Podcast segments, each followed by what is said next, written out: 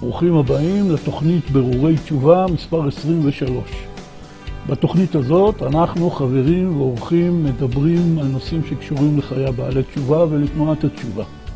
את כל התוכניות הקודמות תוכלו לשמוע באתר שלנו תשובה.נט או חפשו במערכות הפודקאסטים של גוגל וספוטיפיי ברורי תשובה.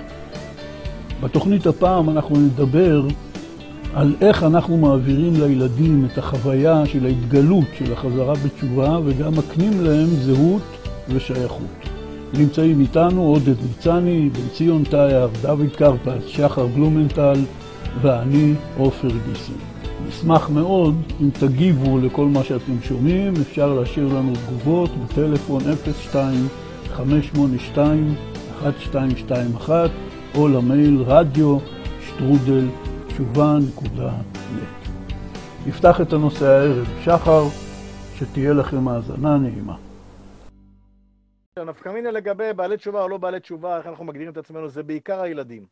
כי אנחנו ממילא נסתדר בין אם נוגדר ככה, בין אם נוגדר ככה. אז איך אתה מגדיר ילד, לאן הוא שייך?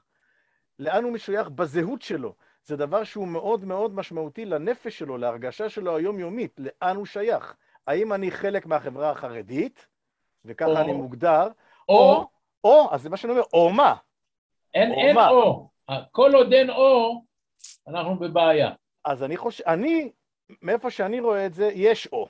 יש מספיק אנשים כמוני, שהילד שלי יכול לראות, אוקיי, אלה החברים של אבא שלי, איתם הוא נפגש, איתם הוא מדבר, זה האיש הזה מפה והאיש הזה מפה, והם אנשים, וזה הסגנון, הם לא חרדים, הוא רואה את זה, הרי ילד רואה את ההבדל, זה לא שעכשיו אנחנו פה צריכים לשחק לו איזשהו משחק. הילד רואה את ההבדל, את הנפקמינה הגדולה מאוד בין בעל תשובה לבין חרדי קלאסי, מה שנקרא. גם בקהילה עצמה, אצלי בתל אביב, שיש אצלנו סך הכל איזה שלוש-ארבע משפחות חרדיות, הילדים רואים את ההבדל. רואים מה קורה כשנפגשים שני בעלי תשובה ומתחבקים, או שנפגשים עם בעל ליטאי ולוחץ לו את היד ככה. הוא רואה את ההבדל, הוא, רואה, הוא מרגיש את זה גם. עכשיו, השאלה לאן אתה משייך אותו בהגדרה, זו שאלה מאוד משמעותית. לא. אצלנו, עוד פעם, אצלנו היא פחות משמעותית, כי אנחנו כבר עברנו את מה שעברנו, ועכשיו נפקא מינה איך שתקרא לי, בסדר, אני כבר אסתדר עם זה. אבל הילדים, הילדים, זאת הנקודה שאני רוצה לעמוד עליה. אתה צודק שהזהות והזהות והשייכות עבור הילדים היא קריטית. נכון. אבל אתה כרגע לא יכול ל- ל- להגדיר להם את זה לא בזהות ולא בשייכות, משתי סיבות. אתה בעל תשובה, הם לא בעלי תשובה. וממילא אתה רוצה שהם יקנו את הזהות שלך, כשהזהות שלך לא שייכת אליהם. הם דור שני, הם משהו אחר. נכון שיש להם איזה DNA פנימי מסוים, אבל הם גם את זה לא מזהים. ולכן יש כאן מורכבות מסוימת. עכשיו, אם אתה מייצר קהילה, אז הזהות והשייכות היא לקהילה. ומה הגדרת הקהילה? בעלי תשובה, ברסלב, לא משנה מה.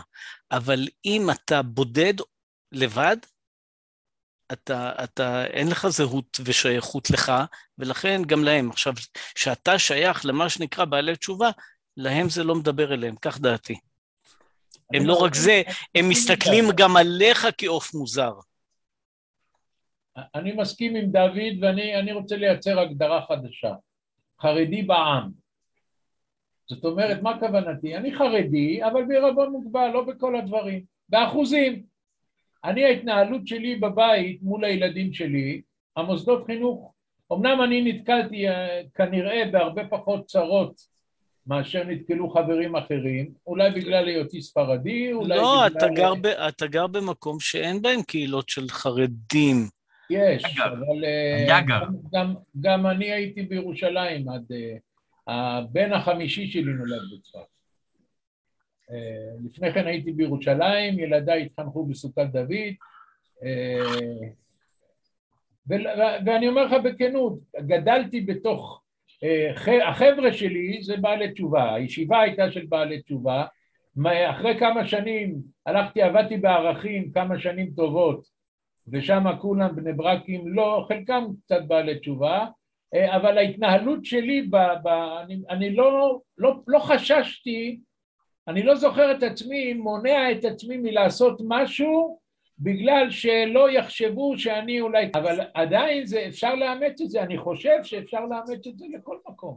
דהיינו, אני חרדי בהשתייכות התורנית שלי, ואני בעירבון מוגבל בהרגלי מחיה וההשתייכות החברתית. לשחר בתל אביב אולי זה יותר מורכב. ברור שזה יותר מורכב. לא, זה גם יותר קל, כי ב- בסביבה חילונית יותר קל לך להגדיר את עצמך. לילדים שלו, הוא דן על הילדים. לילדים שלו יותר קל להגדיר את עצמם. למה? כי הם יודעים מה הם לא. הם לא כאלה ולא כאלה, וזה מאוד מגדיר אותם לעצמם מה הם כן. זה לא ההגדרה שלו, זה ההגדרה שלהם, וזה ייתן להם, אם הוא יצרף את זה למושג שנקרא שליחות, שאנחנו בעצם פה בשליחות, באותו רגע זה נותן להם חבל הזמן איזו זקיפות קומה, שייכות, זהות, ממש, זה דבר נפלא. באותו עניין אתה יכול להגיד אותו דבר, מה הם לא, אתה אמרת לגבי החילונים, אז אתה יכול להגיד גם מה הם לא, הם לא חרדים. כן, העוף- אבל... והעוף המוזר הזה שאמרת יכול להיות מקור לגאווה, לא קטן. לא, אז, אז אני אגיד, כן, כן, אני אגיד לך, אבל הם, הם גם הגדירו את עצמם כלא חרדים, אבל הם לא הגדירו את עצמם כמה הם כן. הם מקסימום יגידו אולי דתיים. הם לא יגידו אנחנו בעלי תשובה. זה כי הם למה, לא... למה, כי הם למה, לא. למה בן של בעל תשובה זה לא הגדרה? הוא אמר לך דבר אמיתי ונכון.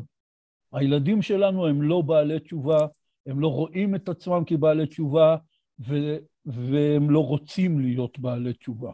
אין להם בעיה איתך באופן אישי, אבל התדמית הכללית של בעלי תשובה אצל ילד שגדל כחרדי או דתי אפילו, הוא לא מתחבר עם הדבר הזה. אני חושב שרוב הילדים של הבעלי תשובה, רוב, הם אומרים ככה, אבא ואימא הם צדיקים מאוד גדולים, והלוואי שכל החרדים היו צדיקים כמוהם. והם גם אנשים אמיתיים, והם גם אנשים נהדרים, אבל אני לא משם. ואותו דבר הוא אומר על החרדים שהוא גדל איתם, רוב הילדים. שיהיו בריאים כולם, אני לא כמוהם, אני יודע שאני לא כמוהם, ואז כל הילדים הולכים לחפש את הזהות שלהם. הם לא בעלי תשובה, הם לא חרדים, הם הולכים לחפש את הזהות שלהם. זאת גזירת גורל, את זה אני לא יכול לשנות. הם נולדו לתוך תנאים כאלה שהם צריכים לחפש לעצמם את הזהות שלהם בעצמם. עיקר הבעיה שלנו, שרוב הילדים מחפשים את הזהות שלהם בסרטים ובאינטרנט, או ברחוב, וכאן זאת הבעיה האמיתית. אני לא יודע כמה אנחנו יכולים לעזור להם, אבל אנחנו צריכים לעשות הכל כדי שאם הוא כבר מחפש את הזהות שלו, אני מתכוון כאדם שומר מצוות, לא עכשיו להיות חילוני או דתי, זה עניין אחר. כשהוא מחפש את הזהות שלו כשומר מצוות, אנחנו צריכים לפרוס לפניהם את כל האפשרויות ולקוות לטוב. אז אבל יכול זה להיות... שהילדים שלנו נדונו לחיים של חיפוש זהות יותר עמוק מאשר אנשים אחרים, לדעתי זאת עובדה. אי אפשר לשנות אותה. אני מבין מה אתה אומר, אבל ככל שאני יותר uh, נחשף לדברים, אני מבין, כמו שדוד אמר בפעם הקודמת, שכנראה שוב אני יוצא דופן בעניין הזה, כי הילדים שלי גדלו כהגדרה, מי שהם ילדים קטנים, הם יודעים שגדלים בקהילה של בעלי תשובה. שלך בהתחלה לדעתי הוא נכון, במובן הזה שהבנים שלנו נידונו לגזירת גורל של לחפש את זהותם, והם מרגישים תלושים בין העולמות. הם, הם, הם לא פה ולא שם, אוקיי? בסדר. אבל, אבל אני חושב שזה זה לא, כרגע זה מום. השאלה היא, מה אפשר עם כמה עובדים סוציאליים, סוציולוגים, אנתרופולוגים, ורבנים ידועי שם, אנשי חינוך מובהקים, בהדרכתם של גדולי הדור שליטה, להפוך את המום הזה למנוף. זו השאלה העיקרית. אני, אני רוצה להגיד משהו שאולי יעשה איזה שינוי כאן בתפנית בעלילה, שיאגד את, כול, כולנו לאיזה זווית אחרת. כמו שעופר אמר, הזהות שצריך להקנות להם, שהם צריכים למצוא אותה לפני הכל, ו- וזה פלא לכאורה שהם לא מצאו אותה בכלל, או שקשה להם עם זה, זה הזהות של שמירת מצוות. עכשיו, הסיבה שהם לא מצאו אותה זה כי הם עסוקים, לאור, או רבים מהם מסתבכים עם זה, זה כי הם, הם רבים מהם נמצאים בעולם של doing ולא being, של מצוות. זאת אומרת, הם יודעים, הם עושים את הפרקטיקה, אבל הלב בכלל לא שותף בכל החוויה. מה שאצלנו, רק הלב מאיר אותנו כל הזמן, עבור הילדים שלנו, הם לא קנו לא את זה ולא את זה. לא את האור שלנו ולא את הכלים ההם. ואם היינו יכולים לתת להם את האור בתוך החושך הזה של החוויה הכיפית, המרוממת, הנפלאה, של, של קשר עם אלוקים, של קרבת אלוקים, של קיום מצוות, שכל דבר זה תענוג, זה לא עול, זה לא קושי, זה כיף. הלוואי והיינו זוכים לפני, ש... לפני שהכרנו את זה. אם הם היו, אם הייתי יכול להעביר להם את זה באיזושהי דרך, ועל זה היה צריך לשבת כאן פורום ענק של כל הסוציולוגים, רבנים ו- ואנשי מעשה, אז, אז, היינו, אז היינו נותנים להם דבר שהופך אותם למעלה ולא לחיסרון את זה שהם הבנים שלנו. אז זה היה נהיה לא רק מעלה, הם היו הופכים להיות גורואים, כל אחד מהם בעולם החרדי, מסביבם, של בוא תראה איך עושים את זה. רק אנחנו שמחנו על אנשים אחרים, שחשבנו שזה מה שהם יעשו להם, זה לא קרה. אנחנו עצמנו בכלל לא היינו מחוברים לעובדה שאנחנו צריכים לתת את זה, וגם אני לא יודע אם היינו יודעים איך, ולכן דור, דור שלם התפספס כאן.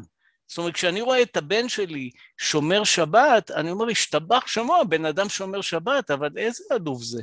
זה לא מה שרציתי. לא כי רציתי שהוא יהיה גדול הדור, כי רציתי שהתפילה שלו תהיה אש לקדוש ברוך הוא, שהשבת שלו תהיה שמחה גדולה, שהתורה, הוא ישתוקק אל התורה כמו שאני משתוקק אל התורה, שתפילין בסוף חול המועד בשבילו זה לקפוץ לתקרה. לא. אתה אומר דברים נכונים, אבל אני רוצה לשאול אותך, אני גם מסכים איתך, וכמובן, אבל uh, האם uh, לדעתך התלהבות בעבודת השם ואמונה זה מספיק? הרי האדם צריך גם באופן חברתי איזושהי זהות. אני מסכים, אני אומר, אם היה, אם הייתי מצליח להקנות לו את זה בתוך החברה שהוא גדל, הוא גדל בתוך חברה מסוימת. עכשיו, לחברה הזו, זה לא, לא, לא, לא כואב שאין את זה, כי בשבילהם כן, כמו שאני רואה אנשים שאומרים, תראה, אם הבן שלי יישב מול הסטנדר 50 שנה, זה, איזה שכרי, אם הוא יישב מול הסטנדר. ואני אומר, ומה אתה עושה מול הסטנדר, ריבונו של עולם? אתה, אתה, משהו אתה קונה, אתה קונה ידע, אתה מתקדם במשהו, משהו קרה? הוא זה לא מפריע לו, הוא מתפלל כל יום את אותם שלוש תפילות בדיוק באותו בית כנסת, בדיוק, הכל זה, זה מין מכונות כאלה, וזה בשבילם אחלה, אבל אם, אם הילדים שלי בתוך המפעל מכונות הזה, היה להם את האור הפנימי של להבין למה עושים ואיזה כיף זה לעשות וכולי, אז זה היה נותן להם זהות עצומה בתוך הדבר הזה. בעוד שככה הם הבינו, תראה, לאור של אבא שלי אני לא מחובר, אבא שלי גנוב. ולחושך שלהם אני לא מחובר, כי זה חושך. אז מה נשאר לי? בואו נחפש את עצמי. כאילו, איפה זה? והוא נורא, הוא כן רוצה את האור שלי, אבל, אבל הוא לא יודע בכלל איך להשיג את זה. אני, היה לי, אנחנו יהודים של התגלות, ואני לא ידעתי איך להעביר את ההתגלות הזו הלאה. למרות שכל שנה אני אומר שהרמב"ן הכי חמור אולי בהשמטות המצוות זה, זה על מצוות זיכרון מעמד הר סיני. ישמר לך, פן תשכח את הדברים אשר ראו עיניך, ישמר לך ושמור נפשך מאוד, פן תשכח את הדברים אשר ראו עיניך, ופן יסור מלבבך כל ימי חייך, יום אשר עמדת לפני השם אלוקיך בחורב. זה, הרמב"ן עושה מזה מצווה. אני אומר, וואו, תראה מה זה, ואני לא הצלחתי להעביר את זה.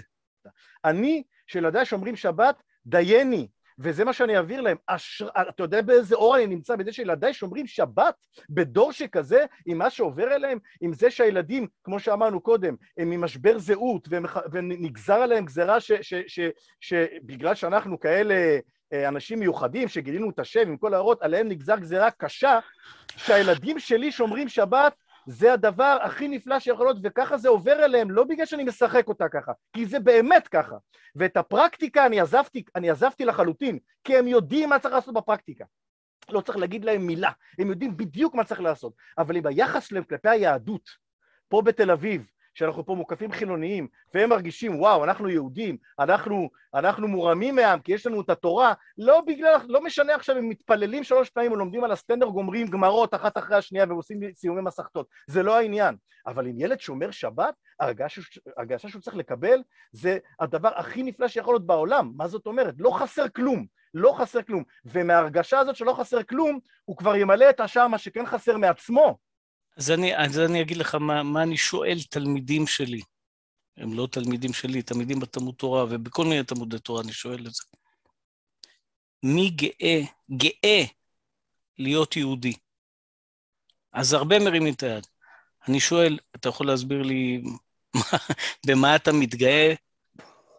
כי לא מצאתי מישהו שיודע להסביר את זה בצורה מספקת, שאומר לי, וואו, יש לו כאלה יכולות, כזו מסוגלות. ההשתוקקות אל השם, השתוקקות אל השם, שזה הבסיס הבסיסי של קשר יהודי עם אלוקיו. סתם יהודי שמשתוקק אל קרבת אלוקים, כמו כל החמישה שנמצאים פה. שאם יגידו להם עכשיו, תראו, אתם תחיו עד 200, אבל לא. ייקחו לכם את, ה... את האלמנט הזה מהלב, לא תרצו קרבת אלוקים. תגיד, מות... טוב מותי מחיי. דוד, אתה חושב שזה משהו שהוא בר הקנייה? אני חושב שכן. אני, אני חושב שכן, אתה צריך לתת לו טריגרים, אתה יודע מה, דברים פשוטים, זה, זה לפעמים דבר פשוט, כן? אמרת, אנחנו יהודים של התגלות. וזה משפט חזק. והשאלה כמובן הבאה שעל זה אנחנו מדברים, איך אפשר להקנות את זה לילדים, כמו שבן ציון שאל אותך, אם זה בר הקנייה. ואני לא יודע את התשובה לזה בדיוק, אבל אני, תקועים לי שני משפטים ששמעתי מילדים שאימא שלהם צדיקה גדולה ומתפללת מאוד בכוונה, וכל ימי חייהם מהיום שהם נולדו, הם רואים אותה מתפללת בדבקות ובהדלקת נרות בוכה, בדבקות עצומה, אבל לא ראיתי שזה השפיע עליהם. אז שאלתי אותם, אמרו, תראה, זה שאימא צדיקה, זה אין שום שאלה. היא צדיקה. אומר, טוב, ומה איתכם? אולי גם אתם תהיו צדיקים כמוה. אמרה לי הבת שלה, זה שצריך להיות צדיקים, אני מאמינה. אבל אני חושבת שיש לנו עוד זמן עד שנהיה צדיקים. בינתיים, תן לחיות נורמלי, כאילו, במרכאות. ועכשיו השאלה באמת, איך אתה מכניס להם את ההשתוקקות, לא את ההכרה. מפני שאני יודע שגם אצל אה, ילדים שלנו שעזבו את הדת, בפנים, ולפעמים הם אומרים את זה על השולחן, הם יודעים שבחילוניות אין שום דבר, ושהתורה והאמונה זה האמת, רק אומר לך, תשמע, זה לא בשבילי. יש לי דברים אחרים בראש כרגע. איך עושים את הסוויץ' הזה, שאתה באמת מכניס להם, כמו שתיארת, את ההשתוקקות? אז, אז האמת האמיתית, כמו שאתה אומר וכמו אני אגיד אותו דבר, אני לא יודע. אבל אני יודע שאם הייתי מקוונן שזה מה שאני צריך לעשות, אז אני מאמין שהייתי אולי מצליח לגלות את זה, אם לא עם הילד הראשון, עם הילד השני, אם לא עם השני, אבל הייתי, ואם כולנו היינו מקווננים, כבר היינו מוצאים את הפתרון. רק אנחנו היינו מקווננים, כשנולדו לנו הילדים, למשהו אחר לגמרי. ו- ולא דמיינו שזה מה שיהיה חסר כאן. לא דמיינתי בעולם, בחיים שלי, שאת ההנאה שלי יש בלימוד התורה, אני, לילד שלי לא יהיה. לא דמיינתי את זה. זה הרי אין דבר כיפי מזה. אין תענוג, אתה יודע מה? תענוג שכלי. אין תענוג שכלי כזה. לפצח, ל- ליצור, ל- ל- לחשוף, זה תענוג. לא כל הבריות אה, ניזונות מתענוג שכלי. אני מסכים, אני אומר, אבל לא דמיינתי לעצמי שכאילו, שאני צריך להקנות את זה. אני מבין ש... ואני לא, ואני לא, אני לא מגישת הגשמק. אני לא נמצא שם. אני איתך שהיינו חסרים בהבנה שזה מחובתנו להקנות. אבל עדיין, אחרי שאנחנו מבינים ש... שחייבים להקנות, אני אישית לא חושב שזה בר הקנייה.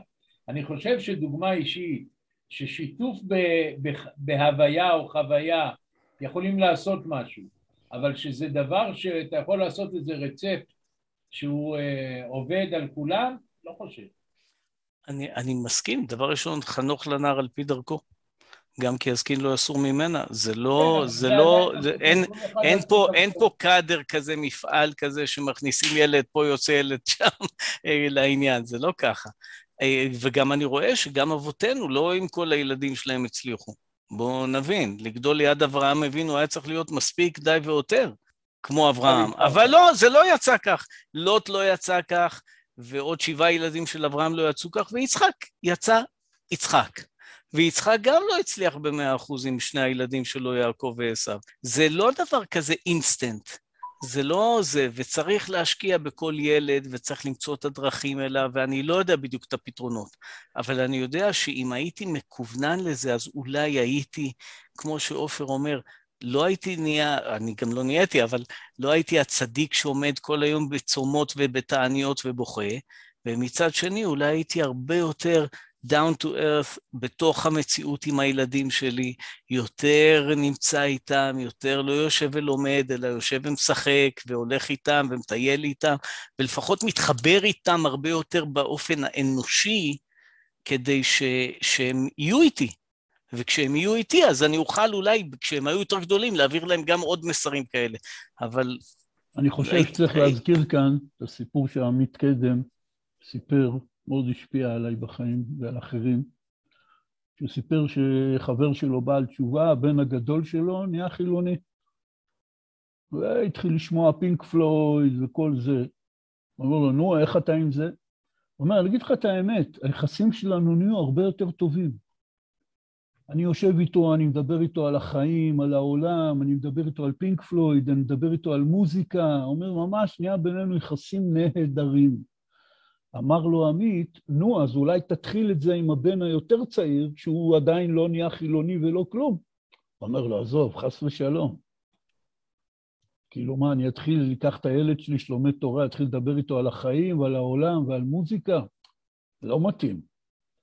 ולדעתי זה סיפור עמוק מאוד מאוד מאוד. כמו שדוד אמר, אני חושב שהוא צודק. אם היינו מקווננים על זה מההתחלה, והנפקא מינא לתועלת זה לאלה ששומעים אותנו ויש להם ילדים קטנים, אה, להקדיש הרבה יותר זמן להיות עם הילד ולדבר איתו על החיים וללכת איתו ולהסתכל איתו ביחד על ציפורים ועל עצים ועל הקשת בענן, וגם לספר לו חוויות.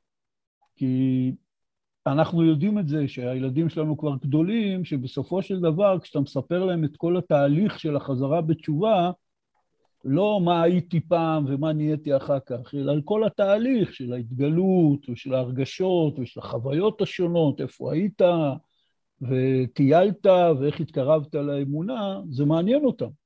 אולי הם לא רוצים לחזור על אותו מסלול כמוך, אבל נהיה קשר הרבה יותר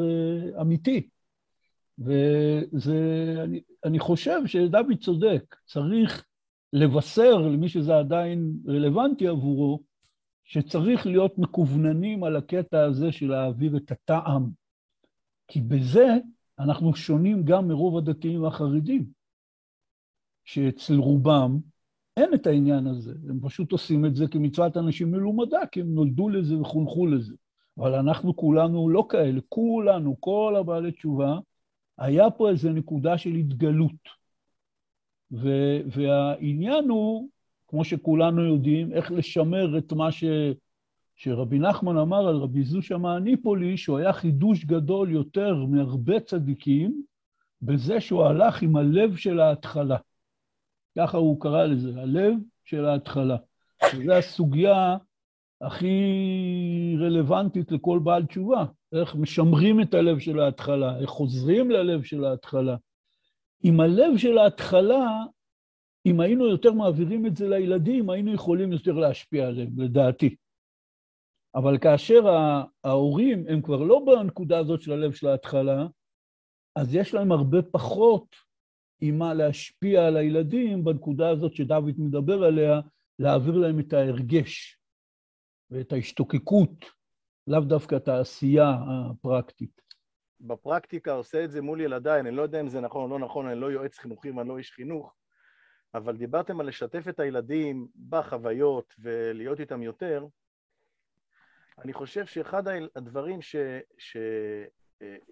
שייצרו אצל הילד נפש בריאה, זה אם כן, אם האבא ישתף אותו גם במשברים שלו וגם בקשיים שלו. זאת אומרת, שאתה, דוד, אומר לי, אה, אני, ההשתוקקות שלי לגמרא והרצון ללמוד, אין לך הנאה גדולה יותר מהלימוד. אני בתור אחד שהלימוד הוא קשה לי, אולי יותר ממך. אני לא, לא תמיד מצליח, כמו, ש, כמו שבן ציון אמר, לא כל אחד מוצא את ההנאה המרבית שלו דווקא בלימוד. אחד יכול למצוא את זה במשהו אחר, או בשיחת חברים, או בתהילים, או בנגינה, זה לא משנה, כן? אבל אני אומר, לספר לילדים שלי, אתם יודעים, אני אתן לכם דוגמה, בזמן הקורונה, שהתפללנו בבית, אז שיתפתי את הילדים שלי שאני נהנה מזה. אני מאוד אוהב להתפלל לבד בבית. מניין מאוד קשה לי. ואחרי שכבר התחילו לחזור לבתי כנסת, אני לא חזרתי.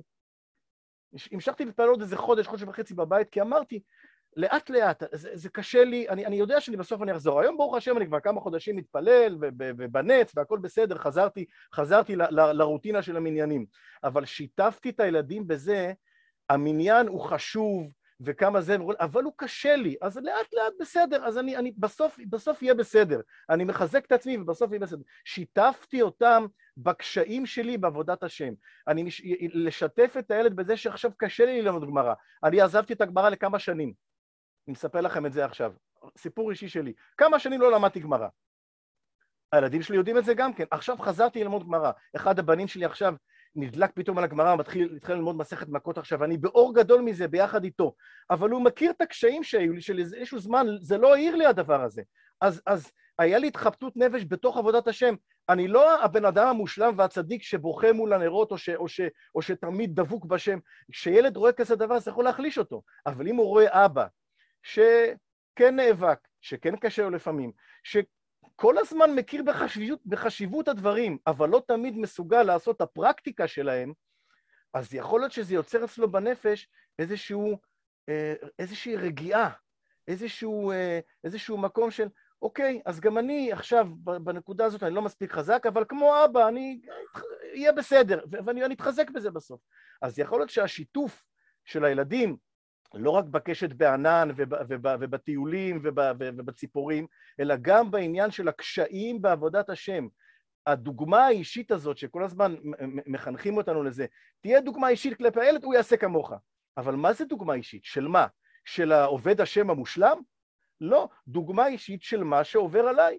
ואני היום, הדבקות בשם זה לא בראש מעייניי, כי קשה לי היום, כי היום אני לא יודע מה, כועס על מה שקרה לי. גם זה יכול לקרות. הילד צריך לראות, נקרא לזה, הרב אורבך קורא לזה, בן אדם נורמלי, תהיה נורמלי.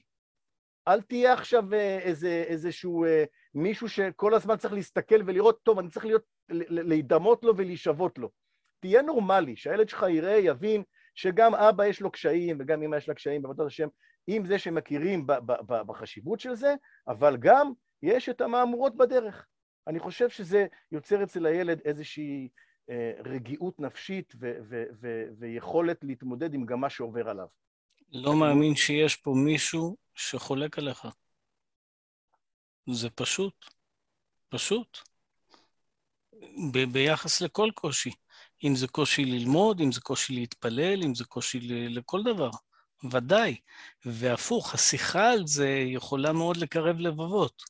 אין בזה ספק, כי גם הוא יש לו את ההתמודדויות שלו, אין בזה ספק. רק אני רוצה לתקן דבר אחד בהשקפה שלי. זה אומנם סמנטי, אבל יש לזה משמעות. אני חושב שהמושג שנקרא דוגמה אישית הוא מושג מוטעה. כי דוגמה אישית כולנו נותנים כל הזמן, גם דוגמאות רעות אישיות מאוד. והילדים לומדים אותנו כל הזמן. המושג האמיתי וה... הנכון שהיה צריך להיות פה, שאנחנו צריכים להוות אישיות לדוגמה. אישיות לדוגמה זו אישיות שמעוררת השראה. וזה מאוד קשה להיות. כי אישיות מעוררת השראה זו אישיות רגישה, אנושית, אה, אה, אמפתית, שיכולה לספר למשל את הקשיים והמצוקות שלה והמשברים שלה. זה אישיות, לדוגמה, זה אישיות מרוממת, זה אישיות שהילד שלך אומר, טוב, אני הולך איתך יד ביד, וכשעולים מדרגה אני אעלה איתך. אם אתם זוכרים, לפני שנים, האמן דאמר בחינוך ילדים, זה היה הרב יחיאל יעקובסון. היו הרבה קלטות שלו, ותוכניות ברדיו וכולי. ואני זוכר, באחת השיחות שלו הוא דיבר על הרעיון הזה של הדוגמה האישית. כלומר, הוא בא לנפץ את המיתוס הזה שהיה בתוך החברה החרדית, זה שהילדים יוצאים כמו ההורים. ואם ההורים יהיו בסדר, אז גם הילדים יהיו בסדר, וההפך. ואז אני זוכר דוגמה אחת שהוא נתן. הרי הוא טיפר הרבה, היה אולי מהראשונים שטיפלו בנוער נושר. אז הוא דיבר עם איזה נער מתמודד, וניסה לברר איתו מה הסיבות שאין לו שום חשק וזה, ואז התחיל להגיד לו, תספר לי על אבא שלך. הוא אומר לו, תראה, האמת, אבא שלי היה כל היום בעבודה, חוזר מאוד מאוחר, ובליל שבת, שכבר היינו ביחד סביב השולחן, ישר בתחילת הסעודה הוא היה נרדם. אז אה, אין לי הרבה מה לספר לך על אבא שלי. אז הוא אמר לו, נו, וזה שהוא היה נרדם על שולחן שבת, זה בטח אה, הפריע לך. והוא אומר לו, לא, מה זאת אומרת? הבנתי אותו, הוא היה עובד קשה כל השבוע, אז זה טבעי שבליל שבת הוא יהיה עייף.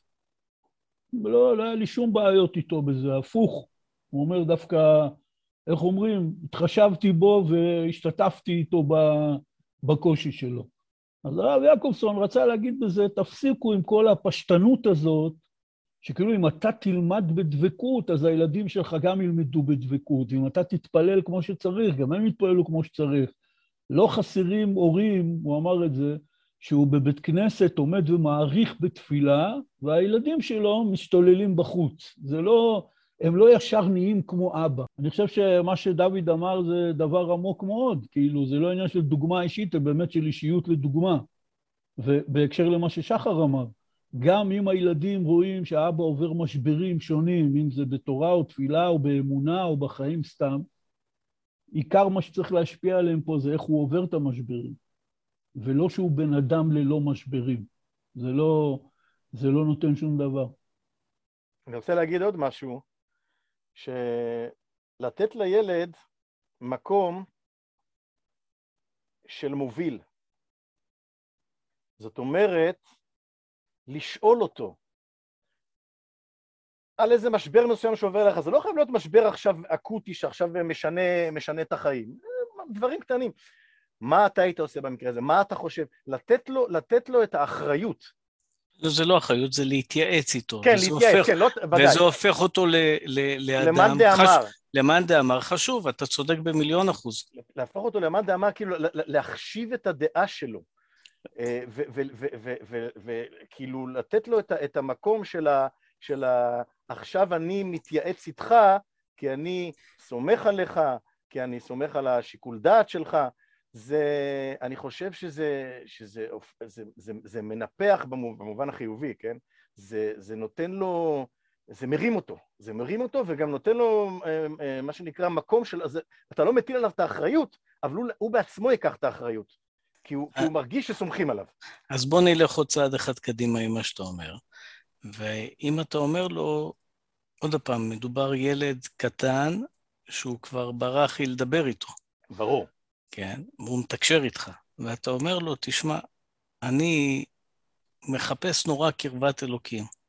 אני לא יודע מה זה, אני לא יודע איך להשיג את זה. כתוב, הנה, במסיעת ישרים כתוב, דוד המלך אומר, איך משיגים קרבת אלוקים?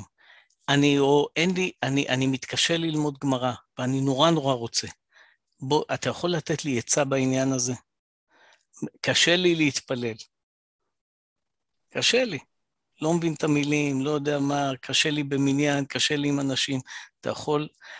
כשאתה לא רק משתף אותו במשבר שלך, אלא אתה מתייעץ איתו, שהוא ייתן את העצה, אתה תופתע איזה עצות טובות יש להם. ובכלל, הוא מתחיל לחשוב בנושא, הוא מתחיל לזוז עם עצמו לשם. אני רוצה לחזור לעניין הזה של הזהות של הילדים. עודד, יש לו קהילה שלמה שעשתה ניסוי חברתי, ויצאה מחברה חרדית ועברה למקום כאילו ניטרלי, והיה צריך לבנות זהות לילדים, מילדים קטנים, בכל הגילאים, עד ישיבה והלאה. מה עושים עם זה, עודד? זו שאלה גדולה. שאלה גדולה, כי אנחנו חיים במקום שלא יצרנו זהות אה, מובחנת אחת, אלא בדווקא, גם מצד המלמדים וגם מצד הציבור שאנחנו עוסקים איתו, אנחנו, הניסיון זה לייצר משהו שהוא עם ישראל, שבמרכז שלו יש תורה. זאת אומרת, אה, יש אצלנו דתי-לאומי, ויש אצלנו אה, חבדניקים, אם הם יבואו, לא ממש חבדניקים, כי חבדניק לא יבוא למשהו שהוא לא חבדניק, אבל אה, ספרדים, אשכנזים, בעלי תשובה, ננחים, והלימוד בעיקר זה, ויש לזה דגש. לדעת שלאחר יש את כל הלגיטימציה להיות אחר, כל זמן שזה בתוך הגבולות של תורה ומצוות. זאת אומרת, גם לא בתוך תורה ומצוות, אבל בתוך תורה ומצוות יש לו לגיטימציה להיות איך שהוא, ולחשוב מה שהוא רוצה, ולהשקיף על איך שהוא רוצה להשקיף. אה, וזה לימוד, אני חושב שהוא מאוד מאוד, הוא כוח. זאת אומרת, לנסות לאחד כל הזמן ולעשות אה, אחידות, זה בטווח הקצר זה רווח, ובטווח הארוך זה נזק לא... אני לא חושב שאפשר לתקן אותו. לעומת זאת, שאתה נותן אה, לרבגוניות מקום, אתה מייצר מהרבגוניות כוח. הוא לומד להתמודד עם דברים, עובר ממלמד אחד שהוא ליטאי, אה, קוראים לו אברהם ישעיה, ואחרי זה הוא אחד חסיד סדיגורה, והשלישי הוא אה, בעל תשובה, תלמיד חכם מהקהילה של, של, של הרב בן ציון, שלומד בשיטה של, של הרב בן ציון, דקדוק ספר... הוא רואה דברים. ו- ו- והמרכז זה אנשים יראי שמיים, אנשים שרוצים לעשות רצון השם. אז בלי שהוא יבין, לא בגלל שיחה על זה, הוא מבין שלעשות רצון השם זה דבר רחב. ממילא הוא קונה אחרי זה, אני מקווה, נראה את זה בהמשך, שאפשר לעבוד את השם בהרבה דרכים. זה לא אם, אם הדרך הזאת לא הלכה, או היא לא מתאימה לך, או אתה לא מרגיש בה בבית, אז כלו כל הקיצים, זה יאללה. שלום עלייך נפשי, איש לא עליו ישראל, בקיצור. אלא יש הרבה דרכים, יש הרבה אפשרויות, וזה לא נאמר מפורש, אבל בעקיפין זו תובנה שהיא מוטבעת. הוא עבר איזה שמונה, שמונה מלמדים ועוד אה, יועץ חינוכי ועוד אה, מוסיף עליהם אה, מורי חול, הוא פגש כל כך הרבה דמויות, הוא רואה שכולם הם אנשים יראי שמיים, אוהבי השם, כי זה אנשים שנרצה להביא. ו... וכל אחד בסגנון שלו. והילדים שסביבו הם גם כן סגנונות כאלה. כל כך שונים, אבל כולם מבתים שרוצים לעשות רצון השם. אז בלי שהוא ישים לב, צומחת התובנה הזאת. זה גם זהות. זאת אומרת, זה גם סוג של זהות. מה זאת אומרת זה סוג של זהות? אנחנו לא חסידי סדיגורה, אנחנו לא כולנו ויז'ניץ, אנחנו לא כולם ליטאים, אנחנו לא תלמוד תורה ספרדי, אה, אנחנו... מה אנחנו כן? מה אנחנו כן? אנחנו לא אלוקים שמוגדרים מוגדרים כמו הרמב"ם רק על דרך השלילה. תן לי הגדרה. אני חושב שהוא מזהה את עצמו כבן של בעלי תשובה, אבל מאוד נוח לו עם זה. מאוד נוח לו עם זה. לא, לא כאיזה סוג של התייחסות, זה דבר אחד. דבר שני, אמ, הוא, הוא מהקהילה, הוא מרגיש שהוא מהקהילה. עכשיו, כשאתה שואל אותו מה זה הקהילה, אז uh, מאוד קל לו להגיד, זה אנשים שחשוב אמ, להם להיות אנושיים, להאיר פנים לכל אחד, אוהבים תורה, דברים מאוד פשוטים. הרבה פחות מה, מה אנחנו לא, הרבה יותר מה אנחנו כן, למרבה הפלא. מה לא. אני? באיזה קופסה אני נמצא? הרי אנחנו בעולם מקוטלג מאוד ומקוטב מאוד. תן לי זהות, מי אני? אתה רוצה להגיד אתה יהודי? זה סתם כמו כל יהודי ברעננה, גר יהודי, גם אתה יהודי, סבבה. אין הבדל בינינו? אין. אז יופי, בסדר, זה מצוין. אבל אם יש כאן איזה משהו, תגדיר לי אותו. אני רוצה להגיד בעניין הזה, היינו פעם באיזה כנס גדול של בעלי תשובה, שדיברו בדיוק על הנקודה הזאת, איזה חינוך, איזה סוג. אז היה שם בניהו טבילה, שהוא איש חינוך, בן של בעלי תשובה, היה אצלנו פעם בתוכנית פה. ואז הוא אמר, תראו, הוא היה מפקח של משרד החינוך על תלמודי תורה, אז הוא הכיר את כל סוגי החינוך הדתי והחרדי בארץ. הוא אמר, תראו, אפשר לאפיין שבתלמוד תורה ליטאי יש את הדגל. הדגל זה התורה. בתלמוד תורה חסידי יש את הדגל. הדגל זה האדמו"ר, הרבה של החסידות המסוימת הזאת. אצל הדתיים לאומיים יש דגל, הדגל זה ארץ ישראל. בתלמודי תורה של חב"ד יש את הדגל. הדגל זה לא רק הרבי, אלא העניין של משיח וגאולה. הוא אומר, אתם רוצים להקים מוסדות של בעלי תשובה. מה יהיה הדגל שם? וכשהוא שאל את זה, זה אני חושב בפעם הראשונה אצל רוב החברים, השאלה הזאת פתאום עמדה מול העיניים. אני מניח שלכמה יש מה לענות על זה, כמו שעודד עכשיו ענה על זה, אבל זאת שאלה גדולה. כלומר, השאלה היא לא רק ברמת הבית הפרטי, מה הזהות שאנחנו נותנים לילדים שלנו, והמשבר זהות שהם עוברים, בינינו לבין החרדים, שהם לא בעלי תשובה והם לא חרדים והם מחפשים מים בדיוק, אבל יש גם שאלה כאן במובן הזה שכולנו היינו רוצים, אני חושב, שיקומו מוסדות של ילדים של בעלי תשובה, שזה הרבה יותר נוח והרבה יותר טבעי והרבה יותר מונע הרבה נזקים, אבל השאלה באמת, מה יהיה הדגל במקום כזה? דוד, שאלת את, אה, את עודד, ביקשת ממנו שיגדיר. אמרת, אנחנו נמצאים בעולם, אה, אנחנו נמצאים בעולם אה, מאוד מקוטלג ומאוד מוגדר, ואני שואל, האם זה, האם זה האם זה כך צריך להיות? זאת אומרת, האם זה הכרח להיות בעולם דווקא מקוטלג ודיכוטומי שכזה? לא, לא דיכוטומי, לא, לא דיכוטומי, זה לא שחור לבן, זה צבעוני לגמרי. אבל מה הצבע שלי? אוקיי, אז אבל עדיין אתה רוצה מאוד, אתה מאוד מחפש את ההגדרה. ואתה שאלת מה, אז הבן שלי יהיה בן של בעל תשובה, והנכד נכד של בעל תשובה וזה, ואני אומר כן, למה לא? זאת אומרת, מה רע בזה? מה רע שהדגל, לשאלתך עופר, מה רע שהדגל יהיה תורה ומצוות. וכל אחד, היכן שליבו חפץ. אחד בתוך התלמוד תורה הזה מתחבר יותר לעניין של שליחות, כי הוא קצת חבדניק בנשמה, ואחד יותר מתחבר לארץ ישראל, הוא רוצה לכבוש איזה גבעה, כי הוא קצת אה, דתי-לאומי בנשמה, ואחד הוא לומד ברסלב, ואחד הוא לומד זה. הדגל הוא תורת ישראל. מה, זה לא דגל מספיק? אני לא מבין. חייבים לצמצם את זה לתוך הגדרות של או האדמו"ר, או ארץ ישראל, או לימוד הגמרא באופן מסוים, או לימוד ספרים אחרים באופן מסוים. שאלת מה רע בזה? לא רע בזה כלום, אני מאמין בזה באמונה שלמה, זה, זאת האמת לדעתי. השאלה איך מבצעים את זה בפועל, גם בתוך הבית הפרטי וגם בתוך החברה. זאת השאלה האמיתית. אם ככה אתה מגדיר את הילד, הילד יגדיר את עצמו, למה אתה מגדיר את עצמך בעל תשובה? מה, מה, מה קרה? זה מקרה שקרה לך לפני 27 שנה, ולי לפני 36 שנה, ועופר מלפני המבול. מה, מה, איך זה מגדיר אותי בכלל? זה דבר, סתם פעולה שפעלתי. אני שומר תורה ומצוות, הדגל שלי תורה ומצוות. זהו, למה, מה עכשיו? למה אתה, למה אתה מגדיר את עצמך? ושהוא יגדיר את עצמך, בן של אחד שהגדיר את עצמו, תפסיק. יהודי שומר מצוות, חלאס. מה רע לך בזה?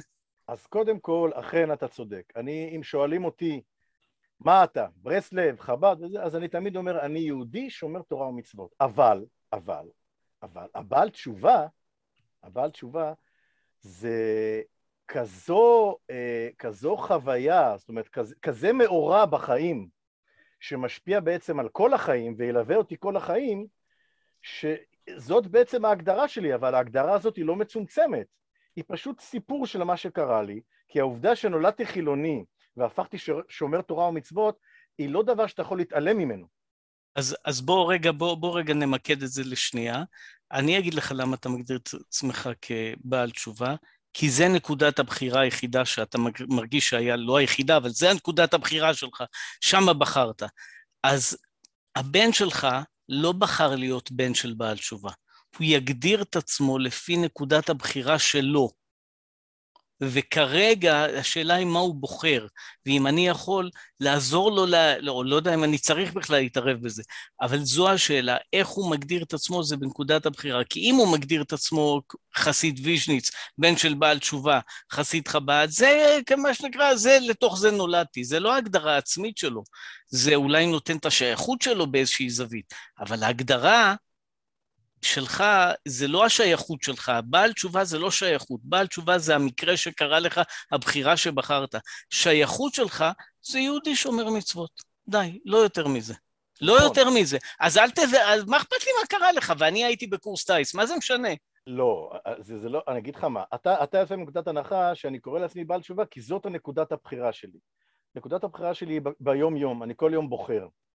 אבל זה מאורע מכונן תשים לב, זה מאורע מכונן של המון המון אנשים, וגם שהם עוברים את אותו תהליך, דיברנו, דיברתם שבוע שעבר על, המשבר של ה-15 שנה וכולי, אנשים שעברו אירוע מכונן מאוד מיוחד, מאוד ייחודי, מאוד, אה, מאוד אה, מאפיין, זה לא איזה משהו שהוא ככה, איזה משהו שקרה לי בחיים, עברתי קורס טיס, אלא חזרתי בתשובה וזה משפיע על העובדה שאני היום נשוי עם שמונה ילדים, זה בגלל שלפני 27 שנה חזרתי בתשובה. העובדה שאני קם כל בוקר מניח תפילין זה בגלל שלפני 27 שנה חזרתי בתשובה. זאת אומרת, אין שום דבר שאני לא עושה בחיים, או שאני כן עושה בחיים, ש, ש, שלא נובע מהעובדה שחזרתי בתשובה. אז זה לא בגלל נקודת בחירה שעשיתי, אלא זה, בגלל שזה אירוע מכונן. דוד שאל אותך שאלה טובה, בתוך השאלה שלו. אתה בחרת, אבל uh, הבן שלך לא בחר. ולכאורה דוד יוצא מתוך נקודת הנחה שמה ש... ככה נראה לי, שמה שמשפיע הכי הרבה על הזהות והשייכות של האדם זה נקודת הבחירה שלו, שהוא הוציא מהכוח אל הפועל את האישיות המיוחדת שלו ו- ו- והמהות שלו. ואז יוצא שאתה בחרת, וכל הכבוד, והבן שלך אומר לך באמת, אבא, כל הכבוד, אבל מה עם הבחירה שלי? האם אני צריך לבסס את הזהות השייכות שלי על נקודת הבחירה שלך? יכול להיות לך. שהתשובה היא כן, אני פשוט שואל אותך מה אתה חושב. אני מבין. אני אגיד לך משהו. קודם כל, זה שבחרתי, אני לא יודע אם זה במאה אחוז בחרתי. כי העובדה שנולדתי חילוני, זה לא מבחירה. והעובדה שבגיל מסוים חזרתי בתשובה, היה באלמנט של בחירה, אבל כל אחד גם מאיתנו מכיר את, ה, את ההרגשה הזאת ואת הנקודה הזאת, שהוא לא בדיוק בחר, אלא שמשהו, מה שנקרא, לקחו, קרה לו, קרה לו משהו משמיים ש, ש, שגרם לו לבחור, אוקיי? אז אותו דבר הילדים שלי. הילדים שלי נולדו כמו שהם נולדו לאבא בעל תשובה, לא מבחירה שלהם, ואת נקודת הבחירה שלהם הם יעשו בכל רגע נתון. אני לא חושב שזה צריך ל- ל- ל- ל- להשפיע או, או, או להמעיט משהו בזהות של הילד, העובדה שהוא לא בחר להיות, אף אחד לא בחר להיוולד.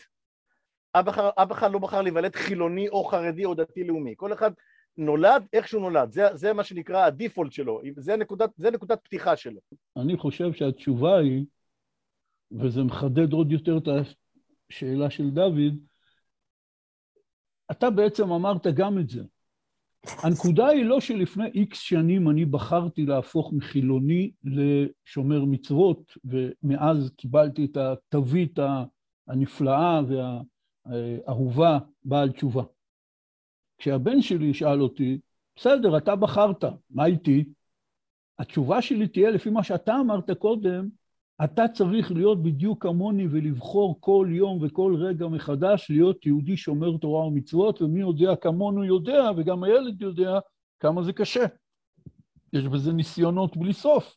גם בתור יהודי דתי במרכאות, יש לך בחירה המון פעמים ביום, אם ברגע זה להיות באמת יהודי שומר תורה ומצוות במלוא מובן המילה, לא בכינוי של דתי, בניסיון שמישהו מרגיז אותי או ניסיונות אחרים.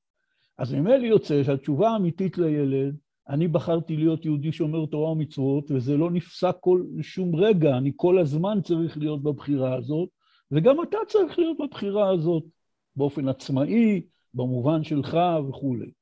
ואז חוזרת השאלה של דוד. אם אתה רוצה יהדות לא מקוטלגת, ופשוט כולנו יהודים שומרי תורה ומצוות, ולא צריך כל מיני דגלים ותוויות, אז למה צריך להיצמד לתווית הזאת של בעל תשובה? זה גם כן קטלוג. שני דברים, אני אענה לך שני דברים. קודם כל לגבי מה שאמרת קודם, זה מחזיר אותנו קצת קודם למה שדיברנו על השיתוף של הילדים, לשתף את הילדים. אני הרבה פעמים עושה שיחה עם הילדים על הנושא הזה של, אה, של משבר הזהות שהיה לנו וכל הסיפור של בעלי תשובה והדור השני וכולי וכולי. ואנחנו דנים מה, איזה ניסיון יותר קשה? להיות חילוני ומשם לגלות השם, או להיות בן של בעל תשובה ומשם לגלות את השם? איזה ניסיון יותר קשה? והדיונים הם מרתקים, והתובנות של הילדים הם מרתקים בעניין הזה, וזה גם כן, אני חושב שהשיתוף שלהם בדבר הזה, בשאלה הזאת, הוא, הוא, הוא כן מחזק אותם. ולשאלה השנייה של הקטלוג, אה, אז פה, אני, פה זה ברמה האישית. קודם כל ברמה האישית זה הסיפור האישי שלי. עכשיו, אם אני עכשיו אקים בית מדרש לצורך העניין, אז אני לא אתלה מעל זה שלט לבעלי תשובה. אני, הסיפור האישי שלי שאני בעל תשובה, בסדר גמור. אבל הדגל של הדבר הזה יהיה תורה ומצוות. הכי רחב שיכול להיות. ילמד אדם היכן שליבו חפץ. אה, אז, אז בבית מדרש הזה יהיה הכל. יהיה שם חב"דניקים וברסלברים וליטאים וחסידים וספרדים ואשכנזים, זה, זה לא משנה. הקטלוג הוא חיסרון בעניין הזה. מה שאני נצמד לבעל תשובה, כי זה סיפור חיים אישי שלי. אז, אז, אוקיי, אז אוקיי, זאת תשובה. אבל עכשיו אני רוצה לחזור רגע לעניין. אנחנו מדברים על זה שהילדים שלנו, אני חושב שעיקר הבעיה שלהם בחיים זה משבר זהות, שאני אמרתי קודם, אתם הסכמתם איתי, שזה סוג של גזירת גורל, אין מה לעשות. הם נולדו להורים שהם בעלי תשובה, הם חיים בתוך חברה חרדית או דתית אחרת, והם מחפשים את הדרך שלהם בין שני הכתבים האלה, כי הם מרגישים שהם לא מפה ולא מפה. עכשיו, אתה צריך, חייבים לקבל את העובדה שגם חלק מהילדים שלנו, אם לא רובם, הם אנשים סטנדרטיים, שהם כן צריכים זהות חברתית ושייכות חברתית. לסטנדרטים אולי זה גזירת גורל, וגם זה אחת המתנות הטובות שנתתי להם. שיחפשו. או, זאת תשובה. שיחפשו. נתתי להם במתנה להבין שחילונות זה, זה, זה בור, זה שוקת שבורה, אה, הם ראו אותי גם, עם הרבה דברים, מה אני חושב על החברה החרדית, ו... ושיחפשו את החיים שלהם. שיחפשו את החיים שלהם, לא קרה שום דבר. גם אני, אה, כוורטר הצעיר בשעתו, הלכתי מלא בייסורים עד שאור השם אה, נגלה עליי, ונכבה, ושוב נדלק, ושוב נכבה, ולא קרה שום דבר. מה הם רוצים? יותר, מה, מה אני מציע להם? לחיות בגן עדן של שוטים? מה? עשיתי אותם אנשים חושבים, אנשים קרועים, אנשים אה, שבורים, ברוך השם. ברוכים הבאים למועדון הלבבות השבורים. לא, לא קרה שום דבר. לא קרה שום דבר, נתתי להם את המתנה הכי גדולה, ששום דבר לא מובן מאליו, והכול בסדר. ועכשיו, סעו, חיים קשים, נכון. חירות קשה, כמו שאמר מי שאמר. נכון? זאת אומרת, שאנחנו אומרים ככה, יש, אנשים צריכים זהות ושייכות, ועם כל מה שהתאמצנו עם הילדים שלנו בתוקף התנאים הטבעיים, אנחנו לא יכולים לתת להם זהות ושייכות גמורה ומבושלת, כי הם לא כמונו והם לא כמו החברה שהם גדלו בה וכולו וכולו, אבל מה שעודד אומר פה, אומר פה יסוד נוסף, תצאו מהאובססיה לתת לילדים שלכם זהות ושייכות ותנו להם למצוא את דרכם בעצמם, כמו שלכם, הבעלי תשובה, הייתה את הפריבילגיה הזאת למצוא את הזהות ואת השייכות שלכם בעצמכם. אפשר או... להוסיף על זה שהחלק שה... מהפריבילגיה הזאת להיוולד לבן של בעל תשובה זה היכולת לקבל את כל הפלגים והזרמים בעם ישראל, את כל עובדי השם למיניהם, כעובדי השם. בלי להגדיר שהוא לא משלנו. זה נקודת אה, מוצא, נקודת פתיחה הרבה יותר גבוהה ממי שנולד לתוך איזשהו אה, שטאנץ. אני רוצה לצטט פה דיבור חזק ששמעתי פעם איזה חסיד סלונים. הוא היה גר ביישוב קטן, ובתלמוד תורה, בדרך הטבע, היו שם כל הסוגים. בעלי תשובה, ברסלבים, ספרדים, חבדניקים וגם סלונים. ופעם שאלתי אותו למה הוא לא גר בירושלים, ושם את הילדים שלו בתלמוד תורה סלונים. הוא אומר, אני אגיד לך את האמת, אני משתמש בתירוץ הזה שאני צריך לגור כאן ביישוב הזה כדי שאני לא אצטרך לשים את הילדים שלי בתלמוד תורה רק של החסידות שלי, של סלונים. למה? הוא אומר, כי אני רוצה שהילדים שלי מגיל צעיר ביותר, הם ידעו שיש כל מיני סוגים של יהודים. אם הייתי גר בירושלים, הייתי חייב לשים אותם בתלמוד תורה של סלונים, שכולם זה שטנץ אחד וכולם זה אותו סוג. פה, בגלל שאני גר ביישוב הזה, אז אני חייב במרכאות שהילדים שלי יגדלו עם ילדים מכל העדות, מכל הסוגים, ואני חושב שזה מאוד חשוב לחינוך שלהם. וכחסיד סלונים, זה בן אדם מואר, לדעתי, כי זה לא דעה סטנדרטית, איפה שהוא גדל. כי שם, כמו שאנחנו יודעים, בתוך החברה החרדית, מהרבה סיבות, לשמור על הילדים וכולו, רוצים שהם יהיו תמיד במקום שהוא חד גוני, שיש בו שטנץ, שאין בו סכנות, במרכאות, מכל הכיוונים. וזה בדיוק מה שבן ציון אומר, זה נכון. כי הם גדלו בבית שחילונים הם חלק בלתי נפרד מהמשפחה, המשפחה של האבא והאימא וכולו וכולו, וגם הם, החברים של ההורים הם מכל מיני דעות ועניינים, וזה נותן להם אולי יותר כלים לקבל אנשים שונים מהם, ולקבל גם אולי את השונות שיש בתוכם. כמו שבתוכנית הקודמת יהודה גרינוולד דיבר על זה, שהילדים של הבעלי תשובה נוהגים לצחוק כאילו על הבעלי תשובה, שהילדים שלהם איזה מין סופרמרקט כזה, בכל משפחה יש המון סוגים. אתה אומר, זה דבר גדול, זה מעלה. והוא אמר שהוא לא מבין בעצמו איך אפשר שיהיה בן אדם שהוא מחסידות מסוימת או זרם מסוים, וכל הילדים שלו יוצאים אותו דבר. זה כאילו פלא עצום. גם מה, ש... מה שאמרתם עכשיו, זה מחזיר אותי למה שאמרתי קודם, לגבי הגזירת גורל שדיברנו עליה. אז, אז ילדינו בעצם קצת דומים לנו, כי גם, גם עלינו יש גזירת גורל, גם עלינו יש גזירת, מה הייתה הגזירת גורל שלנו? שמעצם היותנו אנשים מחפשים, נתקלנו במשבר באמצע החיים. כל אחד בזמן שהוא חזר בתשובה היה לו משבר, משבר זהות. הוא כבר לא הזדהה עם החברה שממנה הוא בא, הוא פתאום ראה משהו חדש. היה לו איזה שהן שאלות שהוא היה צריך להתמודד ולהחליט החלטות שממש משנות חיים ומצריכות ממנו מאמץ, מאמץ מאוד גדול. אז אותו דבר ילדינו. איך אמר עודד? לא קרה שום דבר. כן, זה החיים, זה ההתמודדות שלך, זה גזירת הגורל שלך. השם, את אבא שלך הוא בחר ל- ל- ל- לשלוח לעולם דרך המקום הזה, ואותך הוא בחר לשלוח לעולם דרך המקום הזה, ו- ומפה תתחיל. ואני חושב שדווקא ההתחלה שלהם היא התחלה נפלאה, כי הם באמת באמת אה, כל כך רחבים בתפיסה שלהם, וכל כך יודעים הרבה, וכל כך מסוגלים להכיל הרבה מעצם היותם בנים של בעלי תשובה, ש... שזה... שהם זכו, אני חושב, באיזשהו מקום. עם כל הקושי, זה זכייה מסוימת. אני חושב שאנחנו יכולים uh, לשמוח בזכותנו להיות אישיות לדוגמה לעובדה שאפשר להיות דבוקים באמת ולראות את הטוב שבכל אחד מן הזרמים ושהילדים שלנו יראו שהדבר שהוא פחות טוב אז הוא גם כן רואים אותו והוא מורחק ושנתפלל שהם יזכו לזכות אה, לבחור טוב. אבל את האופציה הזאת שמראש אף אחד לא דחוי ובכולם יש טוב שאפשר לראות אותו זה אופציה גדולה שאנחנו יכולים לשמש אה, אישיות לדוגמה להם. יפה. אני מניח שיש אנשים שלא חושבים כמונו, כי זה דעות קצת uh, מקוריות. כי יש הרבה אנשים שחושבים מבחינה אולי פסיכולוגית, או חינוכית, או אפילו יהודית. יש עניין של זהות ושייכות שצריך להעביר לילדים, ויש לזה תועלת גדולה, גם ליראת שמיים, אולי גם להתנהלות בחיים. אז אה, נשמח לשמוע ממי שיש לו דעות אחרות, שישאיר לנו הודעה קולית ונשמיע אותה, או שישלח לנו מייל, או שהוא רוצה להצטרף לתוכנית. ובזה נסיים את אה, שיחתנו לערב.